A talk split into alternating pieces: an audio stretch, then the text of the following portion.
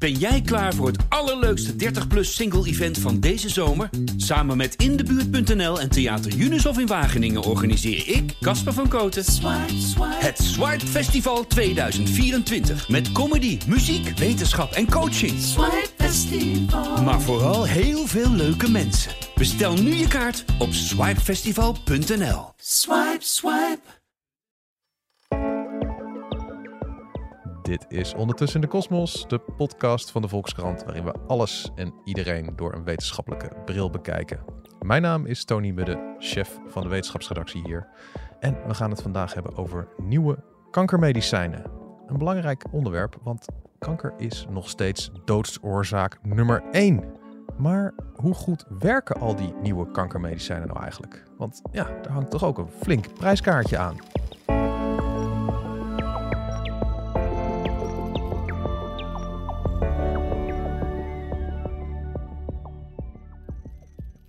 Daar gaan we het over hebben met zorgverslaggevers Ellen de Visser en Michiel van der Geest.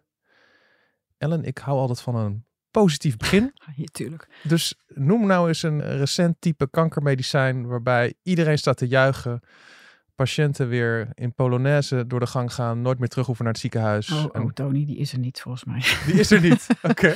nou, er zijn het, natuurlijk, er zijn heel wel succesnummers. Hè? Dat zeggen de oncologen die wij spraken, hebben gesproken, die zeggen dat ook. Er zijn heus wel succesnummers. Longkanker bijvoorbeeld, dat was eigenlijk een type kanker waar je weinig tegen kon doen. En er Mhm. zijn de laatste jaren wel grote vorderingen gemaakt met immuuntherapie bijvoorbeeld. Of doelgerichte therapie, waarbij één DNA-foutje in de kankercel wordt aangepakt. Mhm. En immuuntherapie, dat is. Ja, dat het immuunsysteem wordt aangezet om, dus dat je eigen lichaam, dat klinkt heel mooi, je Ja. eigen lichaam de kankercel opruimt. Ja, dat je die leert om Ja, die kankercellen ja, te herkennen en op te ruimen. Ja. En eh, hormoontherapie bij prostaatkanker wordt ook wel geroemd. En bij borstkanker is ook wel progressie geboekt. Dus er, er gebeurt, er gebeurt heus wel wat. ja. Maar ja, En hoe goed werken dan zeg maar de, de allerbeste? Dat je denkt van. Nou, maar laten we zo zeggen. Een van de oncologen zei, vroeger kwam het eigenlijk niet voor dat ik patiënten met een uitgezaaid melanoom uit kon zwaaien. oh ja. En nu gebeurt dat wel soms. Zo dat de patiënten gewoon ja. kan zeggen, u hoeft niet meer terug te komen. Ja. Dus er gebeurt heus wel Ja, wat. dus zo goed kunnen ze Ja. soms werken. Soms. Ja. Maar Michiel, zo gaat het dus niet bij alle kankermedicijnen. Want in de praktijk vallen ze nog wel eens tegen, toch? Ja, dat klopt. De, de, oncoloog Hans Westgeest, die in Breda werkt, noemt het altijd... je koopt in de folder een Ferrari en in de praktijk blijkt het een Fiatje te zijn. Die Mhm. sputterend op een doodlopende weg met een eh, doodzieke passagier naast je tot stilstand komt. Ja. Om de, om de vergelijking eh, wat extra eh, jeu eh, mee te geven. Mhm. Maar als je kijkt, er zijn afgelopen jaren wel internationale analyses verschenen over hoe werken ze nou echt in de praktijk als je alle medicijnen bij elkaar gooit. Ja. En dan komen de cijfers uit als dat 100 kankermedicijnen die de afgelopen 20 jaar op de markt kwamen, het leven van patiënten met gemiddeld nog geen drie maanden verlengen. Geen drie maanden. Oké. Nog geen drie maanden, eh, Ja. ja. Eh, gemiddeld. Hè? Dat, is Dus- niet, dat is niet heel veel. dat, dat is niet heel veel, zeker niet.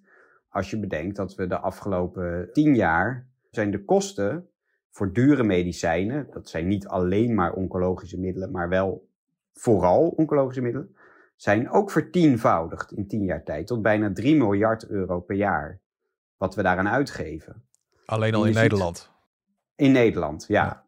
En, en je ziet gewoon wel een, een discrepantie. Die, diezelfde Hans Westgeest, die heeft het ooit op een rij gezet voor prostaatkankermiddelen.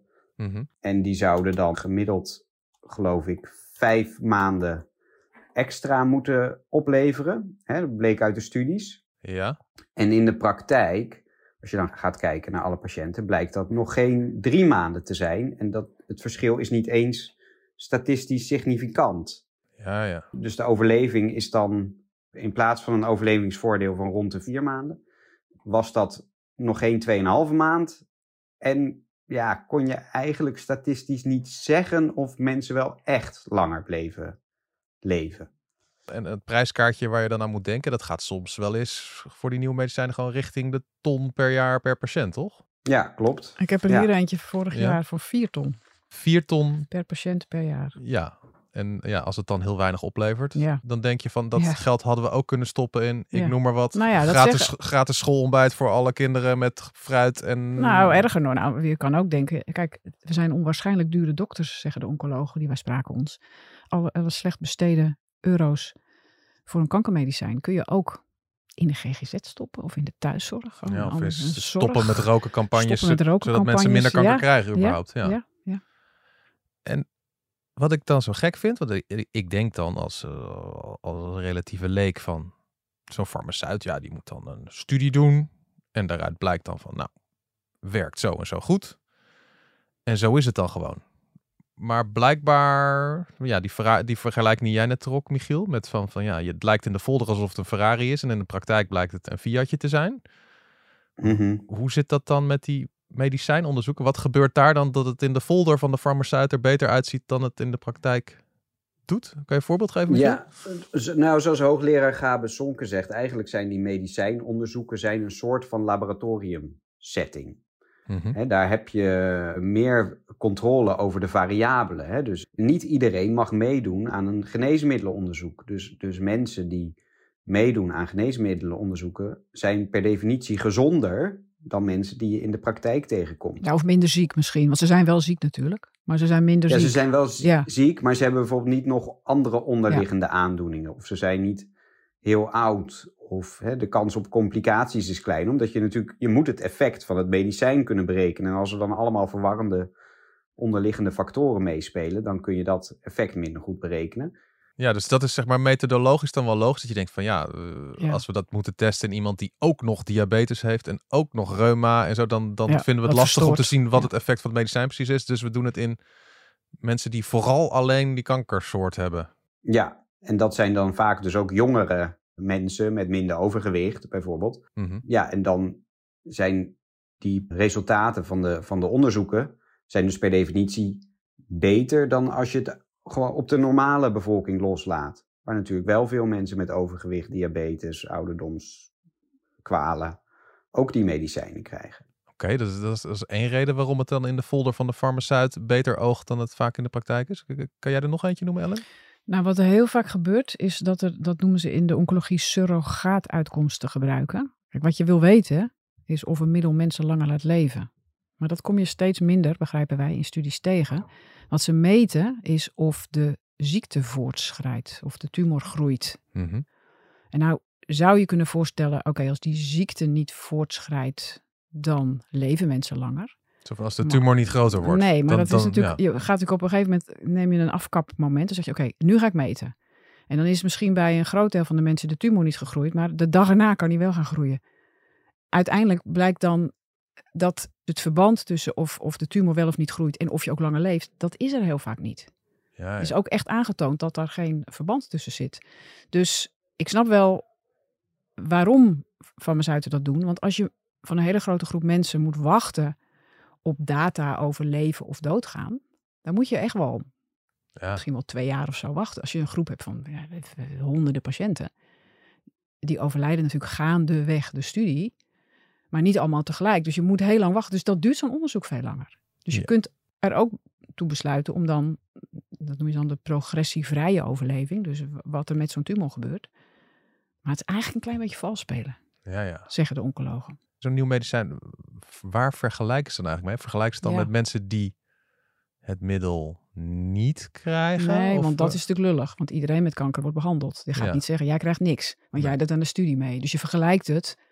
Je zou het moeten vergelijken met het best werkzame middel dat er is. Ja, Want dan vergelijk je het met ja, ja, het beste wat er is. Alleen, ook dat, daar wijzen de oncologen ons op, gebeurt niet altijd. En dat is ook vals spelen. Je vergelijkt het met een middel dat ietsje inferieurder is. Ja, dan kom je altijd beter uit de bus. ja. Ja. N- nog meer trucs, Michiel? Of is dit dat al wel? Ik vind het al behoorlijk ontluisterend. Nou, wat je ook nog wel eens ziet gebeuren, is dat bijvoorbeeld mensen die heel erg veel last hebben van de bijwerkingen van een middel. en zeggen van "We- wij stoppen met onze medewerking aan dit onderzoek. dat die dan niet worden meegerekend. Dus dan krijg je eigenlijk alle mensen die, die ja, überhaupt de eindstreep niet halen, zeg maar, van, dat, van het onderzoek. Mhm. ja, misschien wel omdat ze gewoon te veel last van hebben. Die haal je eruit. Dus je houdt dan alleen de mensen over die het hele medicijnonderzoek meedoen. Ja, ja. Ja, en bovendien in elke studie moet natuurlijk ook een hele stevige paragraaf over de bijwerkingen staan. Als nou al die mensen met bijwerkingen uitvallen, wat hou je dan over? En die neem je Alleen maar mensen die een beetje misselijk waren of zo. Ja, Dat kan ja, ja. natuurlijk niet. Nee. Kwaliteit van leven Ja. is ook belangrijk hè, om in zo'n studie te vermelden. Ja. Nou ja, als je dan mensen eruit laat vallen voor wie de kwaliteit van leven echt heel slecht wordt door het medicijn, ja, dan gaat er ook iets mis. En ik las zelfs in jullie artikel dat het dus zo is dat er soms mensen in de placebo-groep dat dan achteraf wordt ontdekt. Zo van, nou, nou nee, sorry, eigenlijk deden ze het toch beter. Ja, dat heeft met de snelheid te maken, hè, Michiel, waarmee medicijnen worden geregistreerd. Kijk, eigenlijk moet je heel mooi een fase 1, een fase 2 en een fase 3 studie doen. En in de fase 3 studie ga je een grote groep patiënten vergelijken. De een krijgt het middel, de ander krijgt het best denkbare middel dat er is. Ja. En dat ga je vergelijken. Maar wat ze ons bij het Zorginstituut, het instituut dat adviseert of een middel opgenomen moet worden in de basisverzekering, ons is gezegd dat er medicijnen geregistreerd worden op basis van een fase 2 studie. Terwijl dat eigenlijk, je moet eigenlijk verder gaan. Fase 2 is toch nog zeg Een maar, klein groepje. Een klein groepje, ja. ja. En, dan, en dan worden die geregistreerd en dan komen die op de markt en dan worden die aan patiënten gegeven. En dan wordt er een fase 3 studie gedaan. En dan is het oeps, Werkt toch niet. het werkt toch niet. Gebeurt niet aan de lopende band. Gebeurt wel. Ja, of het, of het werkt veel minder goed dan we gehoopt hadden. Ja. Maar dan zou ik denken, ik bedoel, oncologen die zijn ook niet dom. Als die weten dat farmaceuten nou, deze manier van positief afschilderen van hun middelen hebben. En ze zien zo van, nou ja, weet je wel, het is eigenlijk helemaal niet met het beste andere medicijn vergeleken dat er op dit moment is. En eigenlijk is die populatie niet zo betrouwbaar of niet zo relevant voor als we kijken naar alle kankerpatiënten die wij hebben. Dan zeggen ze toch gewoon toedelidoki eh met dat kankermedicijn. Weg ermee. Of ja, maar werkt het zo niet, probleem is. Nou, nee, zo werkt het niet. Het, het, het punt is natuurlijk dat die medicijnen vaak wel, daadwerkelijk wel, enig effect hebben. Hè, ook de, de Europese Geneesmiddelenbureau, de EMA, die gaat over de toelating van de medicijnen tot de Europese markt. Die, die onderzoekt natuurlijk wel of er enig effect is. Mhm. En ook als het Zorginstituut op een gegeven moment zegt van het mag in het basispakket, dan hebben veel wetenschappers daarna gekeken en zijn wel tot de conclusie gekomen: oké, daar gaat werking van uit. Het kan iets doen. En er is natuurlijk ook een hele grote druk, bijvoorbeeld van patiëntenorganisaties, die in ieder geval willen dat die middelen in de gereedschapskist van de oncoloog terechtkomen. En die zeggen van ja, dan moet de oncoloog in gesprek met de patiënt beslissen van oké, er zijn deze en deze bijwerkingen en misschien is deze en deze studie, nou ja, zitten wat schimmige resultaten in. Maar het zou kunnen dat het voor u werkt. Wilt u dat?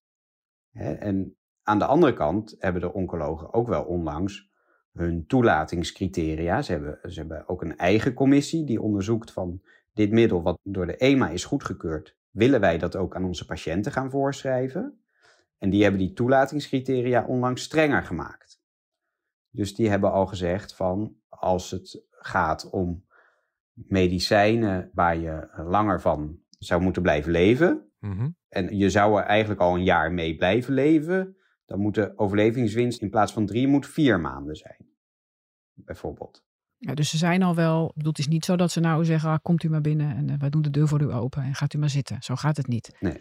Nee, ze zijn veel strenger dan patiëntenorganisaties bijvoorbeeld. Ja. Die waren echt woedend over Ja. dit besluit van de oncologen. Ja.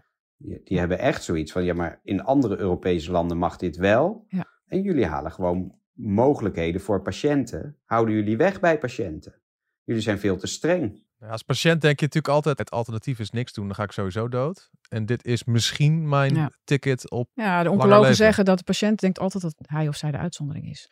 Dus een oncoloog weet, nou, dit middel werkt niet bij 95 van de 100 mensen. En dan is de patiënt tegenover je, denkt altijd, ja, dan zit ik bij die vijf. Maar dat is natuurlijk ook logisch. Ja. Je bent ziek, je kijkt de dood in de ogen. Ja, dan zou je toch eigenlijk Ja, altijd proberen aan te grijpen wat je, wat je maar kan. wat je maar kan. Ja. Alleen die oncologen zeggen, ja, maar wacht even, wij hebben wel de taak om een soort ondergrens te hanteren. Mhm. Want het moet niet al te erg worden. Want als een middel slecht werkt, dan betekent het ook dat je heel veel patiënten moet behandelen voor niks. Om er één misschien wat extra kans te geven. En al die patiënten Mhm. hebben last van bijwerkingen. Moet je dat wel willen? En kost heel veel geld. En het kost heel veel geld. Ja, en je weet dus vaak, en dat is het probleem, je weet van tevoren niet bij wie het wel Nee. gaat werken en bij wie niet. Nee. En dat, dat is de moeilijkheid. Kijk, als je dat van tevoren weet, dan, ja, dan geef je het niet aan iedereen.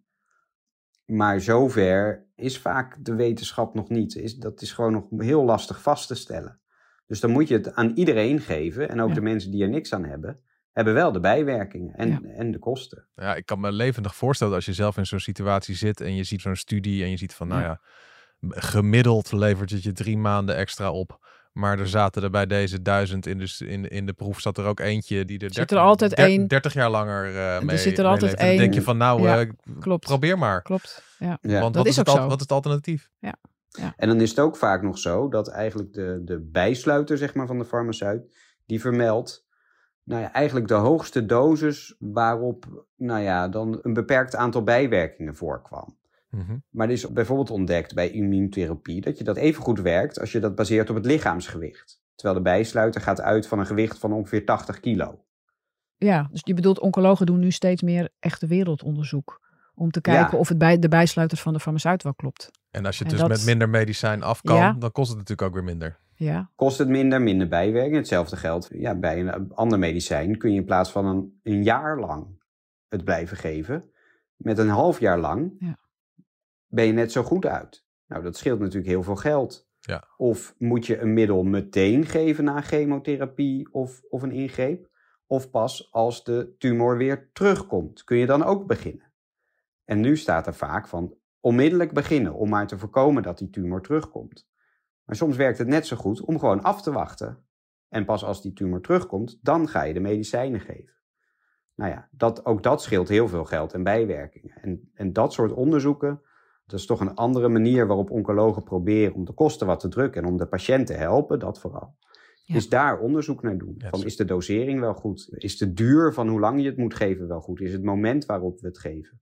Ja, Wel dus goed. we zijn ook dus het- eigenlijk al met, met, met, eh, met, met ja, de oplossingen voor het probleem be- eh, bezig. Met van die Ja. dure kankermedicijnen die, die vaak zo teleurstellen. Dus één, de oncologen die dus zelf al zeggen van nou, de lat mag wel wat omhoog. Ja. Voor het aantal eh, maanden dat je er langer van leeft van een middel. Mhm. Ze zijn dus in de praktijk beter aan het onderzoeken van oké, hoe, hoe pakt dit nou echt uit? En misschien kan het wel met een andere dosis of op een andere moment het geven. En kunnen het op die manier, is de patiënt beter af of wordt het goedkoper? Ellen, zijn er nog meer dingen om ervoor te zorgen, nou ja, laten we maar zeggen, dat medicijnen bij de goede mensen belanden tegen de best mogelijke prijs? Nou ja, eigenlijk is dat het gevolg van twee. Kijk, eh, oncologen doen wereldwijd hoor, niet alleen in Nederland, nu steeds meer van dat real-life evidence onderzoek. Dus laat maar zien dat het in de praktijk ook zo werkt zoals de studie aantoont. En als zij dan geld besparen of bij patiënten bijwerking kunnen voorkomen, ja, dan zou je ook willen dat dat in de richtlijn terechtkomt. Je kunt wel onderzoek doen, maar in de, de oncologenrichtlijn, bij zo'n patiënt ja, moet bij je patiënt dat A geven. geef je B. Ja. En dat is nog wel een dingetje, begrepen wij van een aantal oncologen. Want die Mhm. richtlijnen, is dat ook niet, maar dat doen oncologen er in de avonduren bij. Het uitbreiden en het aanscherpen van richtlijnen. En wat het lastige is, eh, vertelde een van de oncologen ons, eh, iets wat je al doet, om dat los te laten. Maar dat weten we allemaal. Iets wat je al doet, Ja. niet meer doen. Ja. Dus je hebt als oncoloog jaren je patiënten met een bepaald middel behandeld. Je hebt gezien dat het best goed gaat, misschien, bij sommigen. En dan komt er een nieuw onderzoek en daaruit blijkt, eh, ja, maar dat werkt eigenlijk niet. Dus je moet het niet geven. Je moet het niet Ja. geven. Ja. Dat of geef is- maar de helft. Werkt net zo goed. Geef de Ja, helft maar, of geef het helemaal niet meer. Ja, dat, dat zorgt natuurlijk ook voor kortsluiting in je hoofd. Als je gewoon twintig jaar Ja. ervan uit bent gegaan van, eh, nou, Ja. ik heb hier mensen goed mee geholpen. En dan krijg je Ja. een bericht zo van, nou, het doet helemaal niks. Nee, klopt. Nee, nee. Dus, Dus- dat is ook een probleem. En Dus daar iets moet de richtlijnen inschrijven, dat gaat is sneller makkelijker, ja. dan het er weer uit Gek hè, want eigenlijk, we Ja. hadden het net over het onderzoek dat, dat helemaal niet altijd zo heel solide is. En dan, het komt dus makkelijker de richtlijn in, Mhm. dan dat het eruit gaat. Ja. Ja. En ja, slotvraag. Ik bedoel, kanker is al eventjes onder ons, bij de mensheid. Ik heb al zo'n boek gelezen, hoe heet het nou? De, de, de moeder aller ziektes? Of Ja, de, van Siddhartha Mukherjee. Ja, oh ja, dat was een hele ingewikkelde Ja, naam van de nee, auteur. Ja, maar maar ja. het is een geweldig boek. De, de, de biografie van kanker. Ja. Ja, En dan, ja, daar Ja. staat al in, weet je, dat wordt al bij oude mummies en zo Ja. gevonden. En, ja prachtig. Prachtig boek. Ja. en nou ja, we zijn nu met al onze high-tech en dat je denkt van, nou, kijk eens hoe snel we een coronavaccin hebben gemaakt. En Ja. wat we, we kunnen karretjes, Kunnen op, naar de Mar- maan, karretjes eh, op. Mars laten rijden. Waarom? Wat maakt Ja. wat is het dat toch met kanker dat dat zo moeilijk te tackelen is? Nou ja, er zijn heel veel redenen voor. De eerste is dat we het vaak te laat ontdekken. Nou, vaak dat we het soms te laat ontdekken. Mhm. Dat je klachten krijgt en dat je dan al dat de ziekte al in je hele lichaam zit. Als je wel op tijd bent, kun je er ook niet altijd bij. Denk aan een hersentumor. De- die is niet te opereren. Maar misschien is het nog wel de belangrijkste. Je mag een kankercel geen menselijke eigenschappen geven, is mij ooit uitgelegd. Maar omwille van de, de eenvoud doe ik het nu toch even. Een kankercel kent foefjes, die past zich aan aan zijn omgeving Mhm. als het DNA kapot wordt geschoten door een medicijn, dan heeft hij een reparatieploeg. En als er te weinig zuurstof in de omgeving is, dan maakt een kankercel nieuwe bloedvaten aan. Een kankercel kan ook zorgen dat hij resistent wordt tegen de medicijn, dat het middel niet meer werkt. En als een kankercel zich gaat delen, dan schieten de DNA-mutaties alle kanten op. Dus dan bestaat één tumor uit cellen met allemaal verschillende mutaties. Nou, dan werkt een middel tegen één mutatie, heeft geen zin meer. Nou, wil je nog meer weten? Ja, dit, dit, klinkt wel als een eh, Klinkt als ge- ingewikkeld, hè? En toch, en toch is er Ja. vooruitgang hoor. Het Integraal Kankercentrum Nederland had eh, een paar weken terug een grote studie waaruit met, met, met vijfjaarsoverleving bij bepaalde type kanker. En dus je ziet, je ziet heus wel dat, dat het opschuift, heel langzaam. Hè, van bij borstkanker was het 14% 20 jaar geleden. Het is nu 32% na vijf jaar nog in leven. Mm, ja, Prostaatkanker oké. 23, 42% Dat gaat wel. Maar het zijn nog maar hele kleine stapjes. Sta- Dan moeten we maar gewoon genieten van de kleine stapjes. Ja, En, en, en kritisch zijn als er, eh, zeker. als er wordt geroepen revolutie. Nu hebben we En toch een fantastisch middel. Een doorbraak hebben we niet zo vaak. Nee. Maar dat weten wij inmiddels Ja. wel in de, op de wetenschapsredactie. Het Ja. woord doorbraak is, eh, Gebruiken we niet al te gebruiken vaak. we niet zo vaak. Nee. Nee. Dankjewel.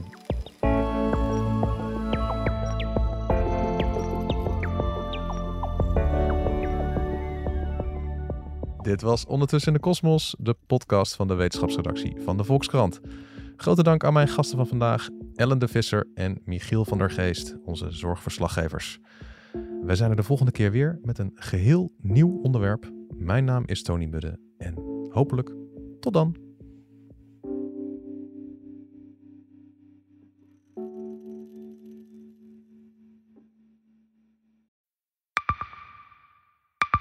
Zijn leven is overhoop gegooid. Plus dat heel veel mensen hem niet geloven. Vrienden niet, die, die denken, ja, hij is gewoon gek geworden. Hoe naar moet dat zijn? Als je vertelt over de meest indringende ervaring uit jouw leven en niemand gelooft dat je het echt hebt meegemaakt. Ja, ik vind zelf niet dat ik het verzonnen heb, maar sommige mensen denken dat wel. Maar hoe kom je erachter of jij het doelwit bent van een geheime dienst? Ik heb ook wel eens meegemaakt dat je het idee hebt dat inlichtingendiensten in je geïnteresseerd zijn. En dan kun je wel heel veel zien, wat er misschien helemaal niet is.